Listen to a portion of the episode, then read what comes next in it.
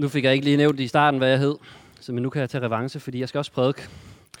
Og øh, mit navn er Kasper, og jeg er 23 år, og øh, jeg er gift med min kone Maria. Og til daglig så øh, studerer jeg teologi i Aarhus. Og så er jeg en af præsteaspiranterne øh, her i kirken, som bare betyder, at øh, jeg er præstelærling. øh, og så er jeg også med i ungdomsarbejdet, der hedder Dagligstuen, som vi har hver onsdag. Øh, inden vi begynder, skal vi så ikke øh, bede sammen, inden vi øh, kaster os over prædikenen. Jesus, tak fordi, at øh, du er her. Tak fordi, at vi kan lovsynge dit navn. Og jeg beder dig om, at du i dag må give os en øh, større kærlighed til dig, at du må give os en større kærlighed til dit ord, og at du må tale til os hver især, og at vi må respondere på det, som du kalder os til i dag. Amen. Ja, øh, Bibelen er en samlet historie, øh, der leder til Jesus. Fordi øh, både det gamle og det nye testamente, det peger sådan set på Jesus. Det vil jeg hæve det i hvert fald. Og øh, der, hvor jeg synes, det sker aller, allermest tydeligt i det gamle testamente, som altså er de bøger, som er skrevet før Jesus blev født, det er øh, i Esajas 53, og der var også kommet en powerpoint op med det lige om lidt. Og det er det kapitel, som vi skal være sammen om i dag. Og øh, det, jeg, jeg synes, det er et lidt specielt kapitel, fordi jeg på en måde har lidt en personlig historie øh, med det her kapitel. Fordi øh, lige i starten, da jeg blev en kristen, så øh, der overvejer jeg sådan to ret centrale spørgsmål i forhold til det her med at tro, i forhold til kristendommen. Og øh, det første var, hvad er det helt centrale budskab i Bibelen egentlig? Når jeg læser det, sådan en lang bog, så kan man godt blive lidt i tvivl om, hvad handler det egentlig helt præcist om? Så det spørgsmål, det stillede jeg mig selv. Og så stillede jeg et andet spørgsmål der, hvordan kan jeg vide, det er rigtigt? Altså, hvis jeg så finder ud af, hvad det her budskab det er, hvordan i alverden kan jeg så vide, at det er rigtigt? Hvordan kan jeg få en fornemmelse af det?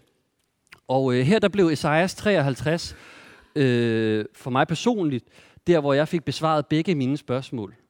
I et kapitel, både hvad det centrale budskab i Bibelen er, og hvordan kan jeg blive overbevist om, at det her det er sandt? Hvordan kan jeg have et sikkert anker for, at det her det er ikke bare er en eller anden god myte, men det er virkelighed for mig. Det er sandt for mig. Og øh, Esajas 53, det er skrevet 700 år før Jesus blev født. Altså 700 år før vores tidsregning, så det er rigtig gammelt jo, før Jesus blev født. Og øh, heri, så, så kommer der ikke kun en smuk beskrivelse af, øh, hvad Jesus frelsende død for os betyder, men der kommer også en, en, en øh, bekræftelse, en verifikation, kan man sige, øh, af det sandhed, i det profetien får dets opfyldelse i Jesus eget liv 700 år efter. Og det er det, der bliver så øh, fantastisk. Fordi Jesus han døde ikke bare, så vi kunne blive frelst og kunne komme i himlen.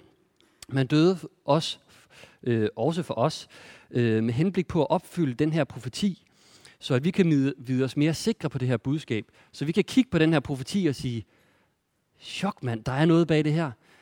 Gud han er virkelig bag det her. Jeg kan virkelig stole på det her budskab for mit liv. Øh, så hvis du synes, det er spændende, og du ligesom mig har overvejet de her to spørgsmål, så lad os dykke ned og se, hvad Isaiah 53 siger. Og forhåbentlig ikke kun se den her Jesus stedfortrædende øh, død, og ikke kun få øh, ud af, hvad er det centrale budskab i kristendommen, men også blive styrket i vores overbevisning om, at det her det er ikke nogen myte. Det er virkelighed. Gud han er virkelig bag det her. Og når vi kommer fra i dag, så er mit håb om, at du kan se, at Guds hånd virkelig er bag den her bog. Nu har jeg ikke lige bogen, men den er bag Bibelen, ikke?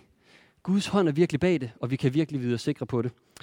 Og øhm, derfor så synes jeg, at vi skal bare gå i gang med at læse hele øh, smøren. Og øh, jeg vil allerede undskylde lidt, fordi at det er længere, end vi plejer.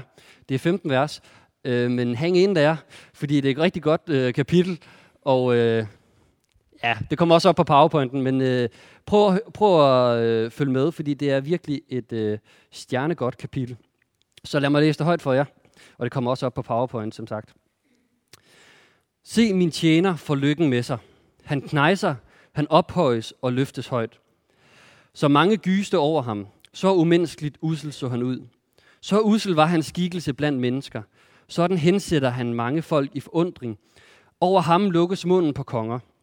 For det, de ikke har fået fortalt, ser de, og det, de ikke har, se, har hørt, indser de.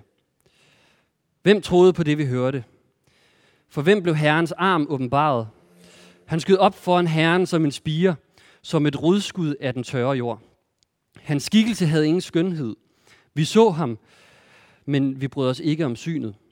Foragtet og opgivet af mennesker, en lidelsernes mand, kendt med sygdom, en man skjuler ansigtet for, foragtet, vi regnede ham ikke for noget. Men det var vores sygdomme, han bar. Det var vores sygdom, han tog. Det var vores lidelser, han bar. Og vi regnede ham for en, der var ramt, slået og plaget af Gud. Men han blev gennemboret for vores overtrædelser og knust for vores sønder. Han blev straffet for, at vi kunne få fred. Ved hans sorg blev vi helbredt. Vi flakkede alle om som får. Vi vendte os hver sin vej. Men Herren lod al vores skyld ramme ham. Han blev plaget og mishandlet, men han åbnede ikke sin mund. Som et lam, der føres til slagtning, som et får, der er stumt, mens det klippes, åbnede han ikke sin mund. Fra fængsel og dom blev han taget bort. Hvem tænkte på hans slægt, da han blev reddet bort fra det levendes land? For mit folks synd blev han ramt. Man gav ham grav blandt forbryder og gravplads blandt de rige, skønt han ikke havde øget uret. Der fandtes ikke svig i hans mund. Det var Herrens vilje at knuse ham med sygdom. Når hans liv er bragt som skyldoffer, ser han afkom og får et langt liv, og Herrens vilje lykkes ved ham. Efter sin lidelse ser han lys. Han mættes ved sin indsigt. Min tjener bringer retfærdighed til de mange, og han bærer på deres sønder. Derfor giver jeg ham del med de store, med de mægtige deler han bytte, fordi han hengav sit liv til døden og blev regnet blandt lovbrydere. Men han bar de mange synd og trådte i stedet for syndere. Er ikke et fantastisk kapitel? Det synes jeg, selvom det er langt. Jeg håber, jeg stadig er vågne. Øh, helt i starten her, øh, det allerførste ord, vi læser, så står der, øh, se min tjener for lykken med sig. Så jeg tænker, det oplagte spørgsmål er at stille, hvem er den her lidende tjener? Det er øh, overskriftet på øh, kapitlet også, Herrens lidende tjener. Hvem er han? Hvem er ham her, den lidende tjener, som hele profetien handler om? Hvem er han? Øhm, jøderne, de siger, at øh, Herrens lidende tjener er Israels folk, eller også så er det Esajas.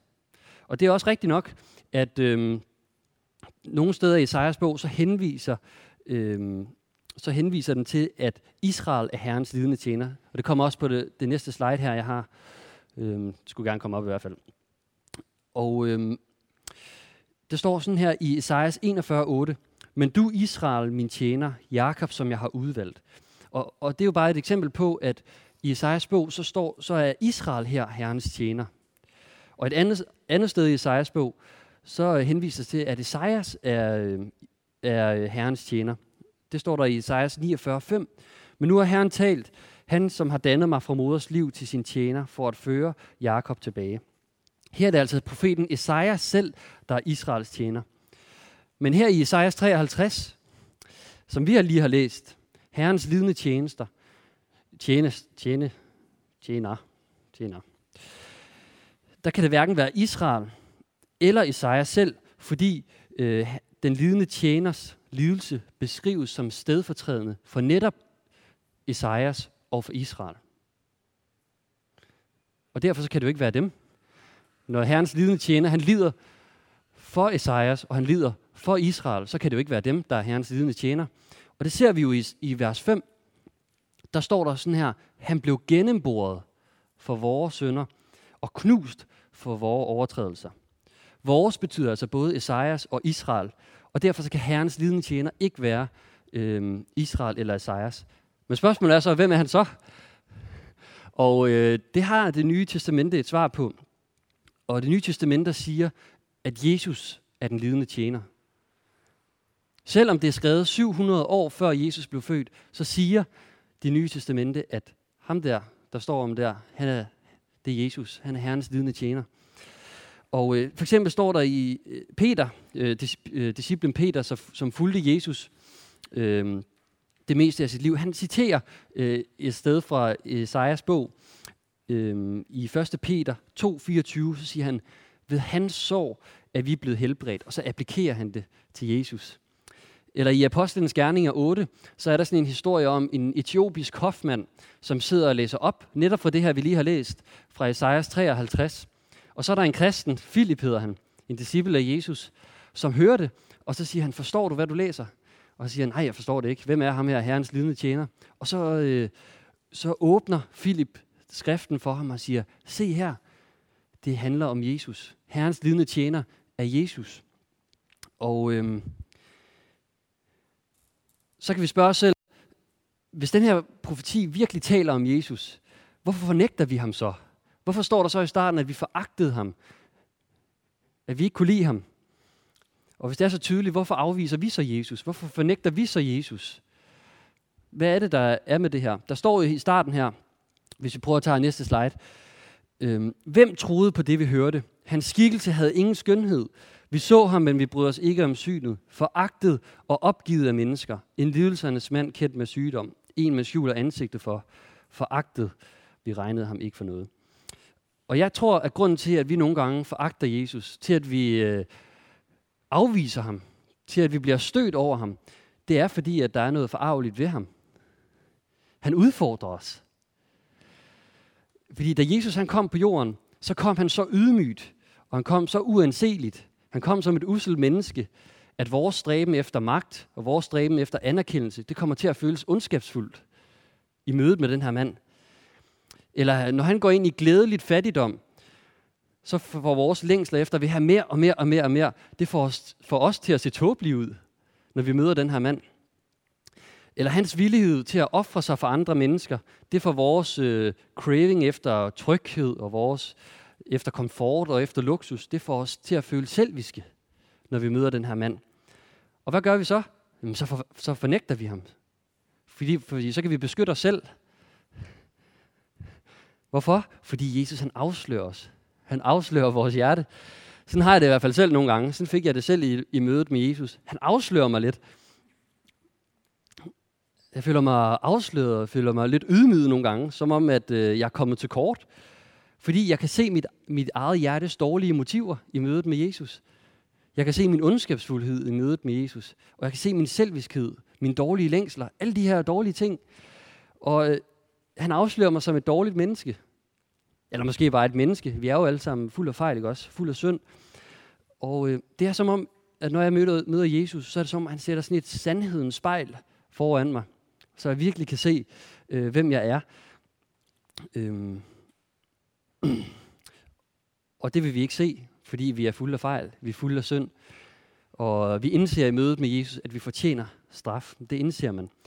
Og øh, så fornægter vi ham for at beskytte os selv. Sådan gør vi. Men i stedet, så mener jeg, at vi burde øh, se indad. Vi burde måske øh, give den her afsløring, som Jesus han, han øh, gør i vores liv, ret og sige, ja, jamen jeg er jo ikke perfekt. Ja, jeg er jo en synder. Og give Jesus afsløring ret, når han sætter sandhedens spejl op foran dig, så sige, ja, det er jo rigtigt. Og det fantastiske er, at når vi gør det, så, så siger Jesus, så håner han os ikke, så straffer han os ikke, men så siger han, jeg elsker dig. Og det ser vi her, hvis vi tager det næste slide, se hvordan han, øh, hvad siger man, responderer på, øh, at vi er syndere. Står der sådan her, men det var vores sygdomme, han tog. Det var vores lidelser, han bar. Og vi regnede ham for en, der var ramt, slået og plaget af Gud. Men han blev gennemboret for vores overtrædelser og knust for vores synder. Han blev straffet for, at vi kunne få fred. Ved hans sorg blev vi helbredt. Vi flakkede alle om som får, vi vendte os hver sin vej, men Herren lod al vores skyld ramme ham. Øh, Jesus han vidste, at vi ville fornægte ham. Men på den anden side, så ønsker Jesus ikke at straffe os. Han ønsker ikke at håne os for, at Nå, du er ikke god nok. Overhovedet ikke. Men han, han øh, ønsker, at vi skal komme dertil, at vi skal erkende, at ja, jeg er ikke et perfekt menneske. At vi skal erkende vores fejl, og at vi har brug for hjælp. Vi har brug for tilgivelse. Og så ser vi det vidunderlige, at Jesus han er ikke kommet for at håne dig. Han er ikke kommet for at straffe dig, men han er kommet for at tage din straf. Han kom for at knuses og gennembores for dine sønder. Straffes for, at vi kunne blive helbredt. Han kom for at tjene os. Gud lod al vores skyld ramme Jesus. Han tog al din skyld. Han kom ikke for at straffe den eller håne den. Så i stedet for, at Jesus han bryder sammen over vores fornægtelse af ham, så bærer han vores sorg i stedet for. Og i stedet for at forøge vores smerte, så bar han vores smerte. I stedet for at hævne vores overtrædelser, så bliver han selv hævnet for vores overtrædelser i vores sted. Han bytter rundt på tingene. Vi fortjener straf, men Jesus han tager den. Vi var skyldige, han var uskyldig. Han bytter fuldstændig rundt på tingene, og det er den højeste form for kærlighed. Og det betyder også, at hvis du øh, oprigtigt vælger at tro på Jesus i dag, så kan alle dine fejl, al din synd, al din straf, den kan blive lagt over på Jesus, øh, hvis du omvender dig og tror på ham. I det sekund, du omvender dig og tror på ham. Og ikke bare det, fordi at øh, i kristendommen, så er det ikke bare sådan, at vi bliver frelst fra noget. Vi bliver ikke bare frelst fra synd, fra straf og fra alle de dårlige fejl, som vi har som mennesker, men vi bliver også frelst til noget. Øh, vi bliver frelst til Gud, dybest set. Fordi det centrale budskab i Bibelen, det fandt jeg ud af i mødet med Esajas 53 jo, det var, at jeg var ikke bare frelst for alle de her dårlige ting, men jeg blev også frelst til Gud. Det, og det centrale budskab i Bibelen er, at Gud han ønsker at have en relation med dig. Han ønsker at være i relation med dig. Fordi man kan jo stille spørgsmålet, hvorfor er tilgivelse godt? Altså, hvorfor skulle jeg ønske at blive tilgivet? Jo, det er fordi, det fjerner din synd, så du kan være sammen med Gud. Det er derfor, det er godt. Hvorfor er evigt liv godt? Jo, det er fordi, du for evigt kan være sammen med Gud. Og øh, deri, der ses Guds kærlighed, nemlig i hans forpligtelse til at gøre alt nødvendigt, inklusiv hans egen søns død, for at give os det, som er mest tilfredsstillende for os over, overhovedet, nemlig Gud selv. Så Guds største gave til os er Gud. Guds største gave til os er ham selv. Guds største gave til os er, at vi kan være i relation med ham, fordi der, i relation med Gud, der bliver alle vores dybeste længsler mødt. Og øhm, det der er en, øhm, på næste slide her, så er der en øhm, kirkefader, kalder man den, fra øh, kristendommens tidlige historie, som udtrykker det på en ret god måde, der hedder Augustin. Og han sagde som en bøn til Gud, øh, sådan her, du, altså Gud, tilskynder selv til, at det er en glæde at prise dig. For du har skabt os til dig, og vort hjerte er uroligt, indtil det finder hvile i dig. Og det er fordi, vi er dybest set skabt til at kende Gud. Og vores hjerte er dybest set urolige, indtil vi finder Gud. For kun Gud kan fylde vores dybeste længsler. Du kan godt prøve at finde det i andre ting. I biler, i karriere, i alle mulige andre ting. Gode, andre gode ting også i familie og sådan noget, men der, hvor du dybest set finder dig selv, hvor du finder din bestemmelse, hvor du finder din dybeste længsler mødt, det er hos Jesus. I mødet med Jesus. Øhm, livets mening findes i relationen med Gud. Den dybeste tilfredsstillelse findes i relationen med Gud. Den største glæde findes i relationen med Gud. Og den relation, den blev mulig ved, at Jesus han tog, bar og blev straffet for dine sønder, for dine fejl, som adskilte os fra Gud. Jesus han blev straffet for, at vi kunne få fred. Ved hans sorg blev vi helbredt. Og det øh, fandt jeg ud af på min rejse der i starten, at det, det var jo kristendommens budskab. At Jesus han blev straffet i mit sted, for at jeg kunne være for evigt sammen med Gud. Og lige siden har jeg levet sammen med Gud, og jeg må sige, indtil videre er det sandt. Øhm, det er virkelig sandt. Men øh, som jeg sagde i starten, så stillede jeg også et andet spørgsmål, og det var, hvordan kan jeg vide, at det er rigtigt? Det er godt, okay, nu ved jeg sådan nogenlunde, hvad er kristendoms centrale budskab, og det lyder fantastisk. Det er virkelig godt. Det lyder bedre end noget, jeg nogensinde har hørt. Men så bliver man også lidt mistroisk, ikke? Er det for godt til at være sandt? Altså, hvordan kan jeg vide, at det er rigtigt? Hvordan kan jeg vide, at det her det er rigtigt? Hvordan kan jeg tro på det? Og her så var det igen øh, Esajas 53, som hjalp mig. Det her fantastiske kapitel, det hjalp mig også til at få et øh, sikkerhed om, at jeg kan faktisk stole på, at det her er sandt, og tage det ind over i mit liv, og leve med Jesus, og være sammen med ham i mit liv. Øhm, hvordan kan jeg vide, at det er rigtigt? Og øhm, ja, der slog øh, Esajas 53, som sagt, på en måde benene væk under mig, i det jeg så, at den her det her kapitel er skrevet 700 år før Jesus blev født. Og så når jeg sammenlignede det med Jesus, så, altså, så passede det bare perfekt sammen. Og øhm, jeg, lad os bare lige sådan tage tre steder, som, hvor jeg synes, at, øh, som var med til at, i hvert fald for mig, at slå benene væk under mig, til at sige, jeg kan virkelig stole på det her. Der er noget omkring den her bog, der er noget omkring det her budskab, som ikke bare er pure opspind, men som kan gøre, at jeg kan sige, stå på fast grund og sige, yes. Øh, så lad os tage den første slide her. Øhm, ja, profetiens bekræftelse, Jesus stedfortrædende død. Og øh, der står sådan her, øh, men det var vores sygdom, han tog, det var vores lidelser, han bar. Vi regner ham for en, der var ramt, slået og pladet af Gud, men han blev gennemboret for vores overtrædelse og knus for vores sønder. Han blev straffet for, at vi kunne få fred. Ved hans sorg blev vi helbredt. Øhm, og hvem andre bliver gennemboret for vores sønder? Hvem blev gennemboret? 700 år før står der, at han fik øh, gennemboret sine hænder og fødder nærmest. Sort på hvidt. Jesus blev, ligesom der står her, gennembrudt for vores overtrædelser. Jesus blev på korset knust for vores synder. Formålet med Jesu død på korset var, at han straffedes for vores synd. Det er budskabet. Og det står her 700 år før øhm, det overhovedet skete. Jesus han blev straffet for, at vi kunne få fred. For at vi kunne få relation med Gud. Ved hans sår blev vi helbredt, står der her. Og jeg kan ikke komme i tanker om andre med Jesus, om Jesus end Jesus. Øhm, hvem andre opfylder det her? Hvem andre opfylder det? Hvem er Herrens lidende tjener? Jeg kan ikke komme i tanker om andre. Og man kan godt gå igennem hele historien, men jeg tror ikke, du finder en anden mand eller en anden kvinde end Jesus Kristus, som kom ned til os og opfylder det her fuldstændig øh, til punkt og prikke. Og det nye testamentes svar er faktisk også, at Jesus er den her lidende tjener. Det er ham, vi snakker om. Det er ham. Øh, I Matthæus 8, 16-17, så står der, øh, da det blev aften, bragte de mange besatte hen til ham, og han drev ånderne ud ved sit ord og helbredte alle de syge, for at det skulle opfyldes, som er talt ved profeten Isaias, der siger, han tog vores lidelser og bar vores sygdomme. Det nye testamentets svar er, at Jesus er ham her, der snakkes om i Isaias 53. 700 år før blev Jesu død for os, og betydningen af den beskrevet øh, hos Esajas. Og det var den første, der fik mig til at tænke, hold da op. Øh, og så lad os prøve, lad os tage den næste. Øh, profetiens bekræftelse, og så er der øh, Jesus for dommen. Fordi i Isaias 53, så står der også det her med, øh, han, blev, han blev plaget og mishandlet, men han åbnede ikke sin mund. Som et lam, der føres til slagtning, som et får, der er stum, mens det klippes, åbner han ikke sin mund. Og så tænker jeg, ja, what? Det er mærkeligt skriftet.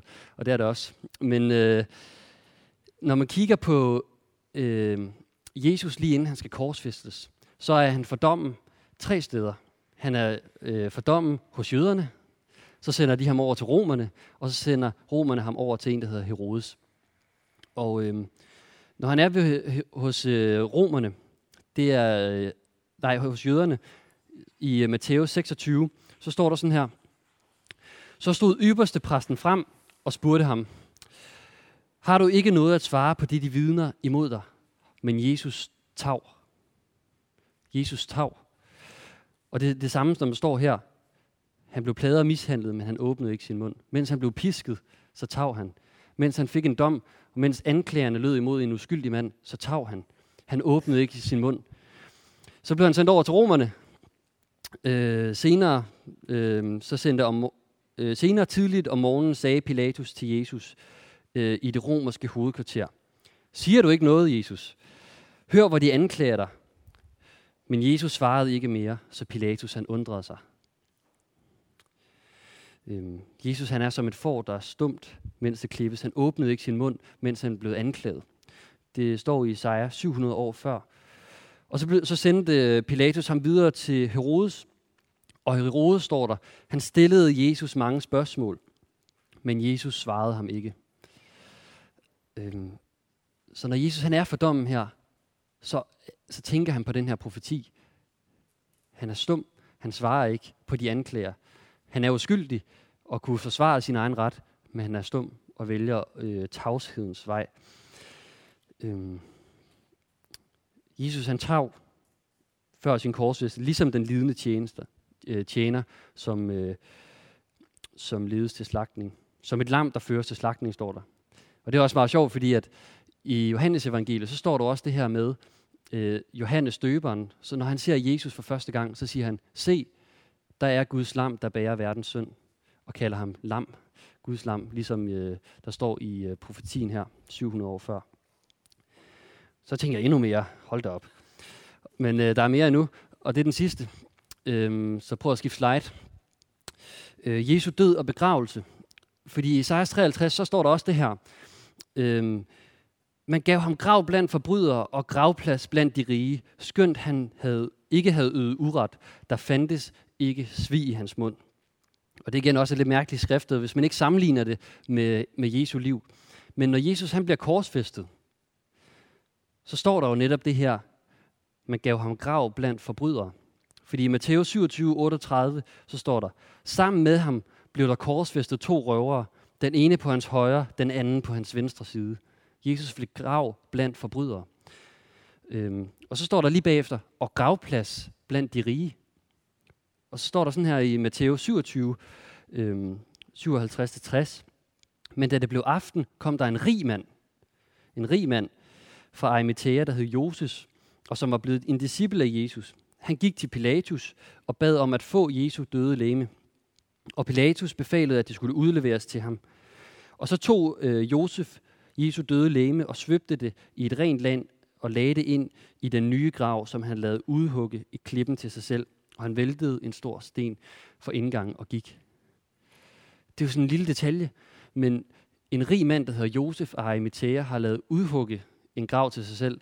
Det, det vidner også om, at øh, man er velstillet på den her tid, at du udhugger en egen grav til dig selv.